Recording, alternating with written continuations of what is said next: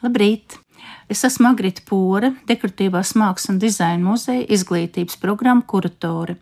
Un šodien man ir tāds jautājums, vai zini, ka Majoros jomas ielā kādreiz tirgoja Anša Cīruļa keramiku? Jūrmalā 1883. gadā sākas Anša Cīruļa biogrāfija. Tur atradās vecāku celtā māja Konkordijas ielā, Majoros, un tur pagāja skolas gadi Majoru dubultu labdarības biedrības pamatskolā. Jūrmala bijusi iemīļot vasaras atpūtas vieta māksliniekam un viņa ģimenei, un Jūrmalā bija pirmie atzinības aplausi cīru keramikai. Viņa tēvs Ādams aizputietis, dzimis aizupes mūža tukuma novadā Vānas pagastā, bija agri atnācis uz Rīgu Iemācījies namdara amatu, strādāja pie Kristapa Morberga un apmetās uz dzīvi Rīgas jūrmalā, uzcēla savu majoros māju un vairākas vasarnīcas. Nodibināja ģimeni ar Lību Strītski no Slampas pagasta, izaudzināja deviņus bērnus, no kuriem Ansis bija piektais. Jūrmalā tolaik dzīve būvējās, un būvuzņēmējam Cīrulim darba nav trūcis. Par vasarnīcu īri dāsni maksājuši Maskavas un Pēterpuls viesi. Salīdzinot ar kaimiņiem, cīruļu ģimene sliktāk nedzīvoja, taču lielās ģimenes uzturēšanai naudas ar vienu drusku pietrūcis. Uz radu palīdzību daudz nevarēja paļauties, tāpēc jau no mazotnes bērnus radināja darbam. Ziemās ģimene dzīvoja tēva būvētajā trīsistabu vasarnīcā, Pavasaros līdz jūrģiem bērni devās ganu gaitās, kur pavadīja laiku līdz pat mātiņiem.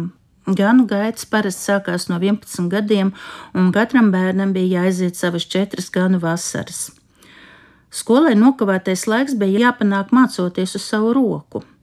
Skola Ansim ļoti patika. Viņš čakli un neatlaidīgi mācījās, īpaši vērību pievēršot valodām, un ļoti daudz lasīja. Šajā laikā zīmēšanu skolā vēl nemācīja, tomēr neviens vēl nezina, ka dziļi zēna dvēselē slēpjas mākslinieka talants. Bieži vien Ansis domās iztaigās savus nākotnes ceļus, kaut arī zina, ka četras ziemas majoru skolā būs pagājušas, un tēvs viņu sūtīs mācīties amatu, kaut arī būvu uzņēmēja profesija viņu nevaldzina. Neatlaidība un darbs un nemitīgi zināšana papildināšana ļauj Ansim Cīrulim atteikties no mūrnieku darba un pievērsties mākslai. Mācības turpinās Rīgā. Rīgas Vācu amatniecības biedrības skolā, Benjamiņa Blūma mākslas skolā, kā arī Jūlija Modernieku mākslas studijā, un tālāk jau Štiglica centrālās tehniskās zīmēšanas skolā Pēterburgā. Mākslas studiju laikā Pēterpilī Cīrulis sāk interesēties par keramiku. Viņā nobriest nodomi, sāk strādāt šai nozarei Cirulim rodas doma ņemt kredītu un būvēt darbnīcu vecāka īpašumā Majoros, Konkordijas ielā 26, 28. Es nesaprotu kādreiz, ko darīt. Reizēm ir pārliecība, ka darbnīcas iekārtošana uz mūsu zemes gruntes ir pilnīgi neatliekama un ka būs iespējams kaut ko derīgu pagatavot. Bet tad atkal daudz šķēršļi, kuri var izjaukt visus mūsu nodomus. Ansis Cīrulis saprata, ka keramika 20. gadsimta sākumā ir mākslas nozare, kur vienlīdz nozīmīgi ir gan mākslinieckā vizuālā iecerē, gan ķīmisko procesu sniegtās iespējas, no māla pārzināšanas līdz glazūru pasaulē.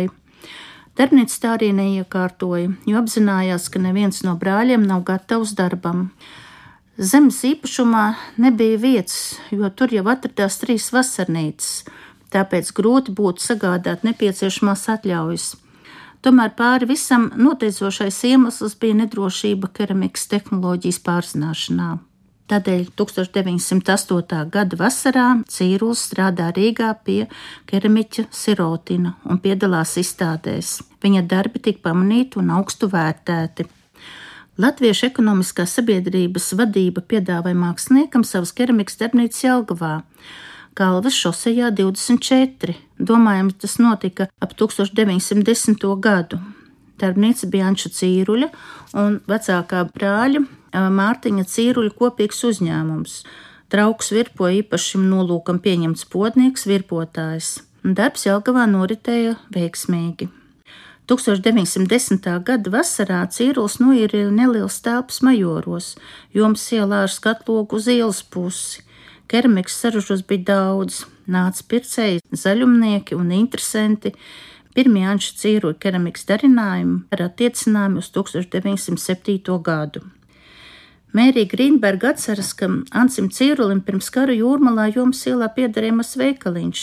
Tajā varēja nopirkt brīnišķīgas vāzes un citas keramikas izstrādājumus.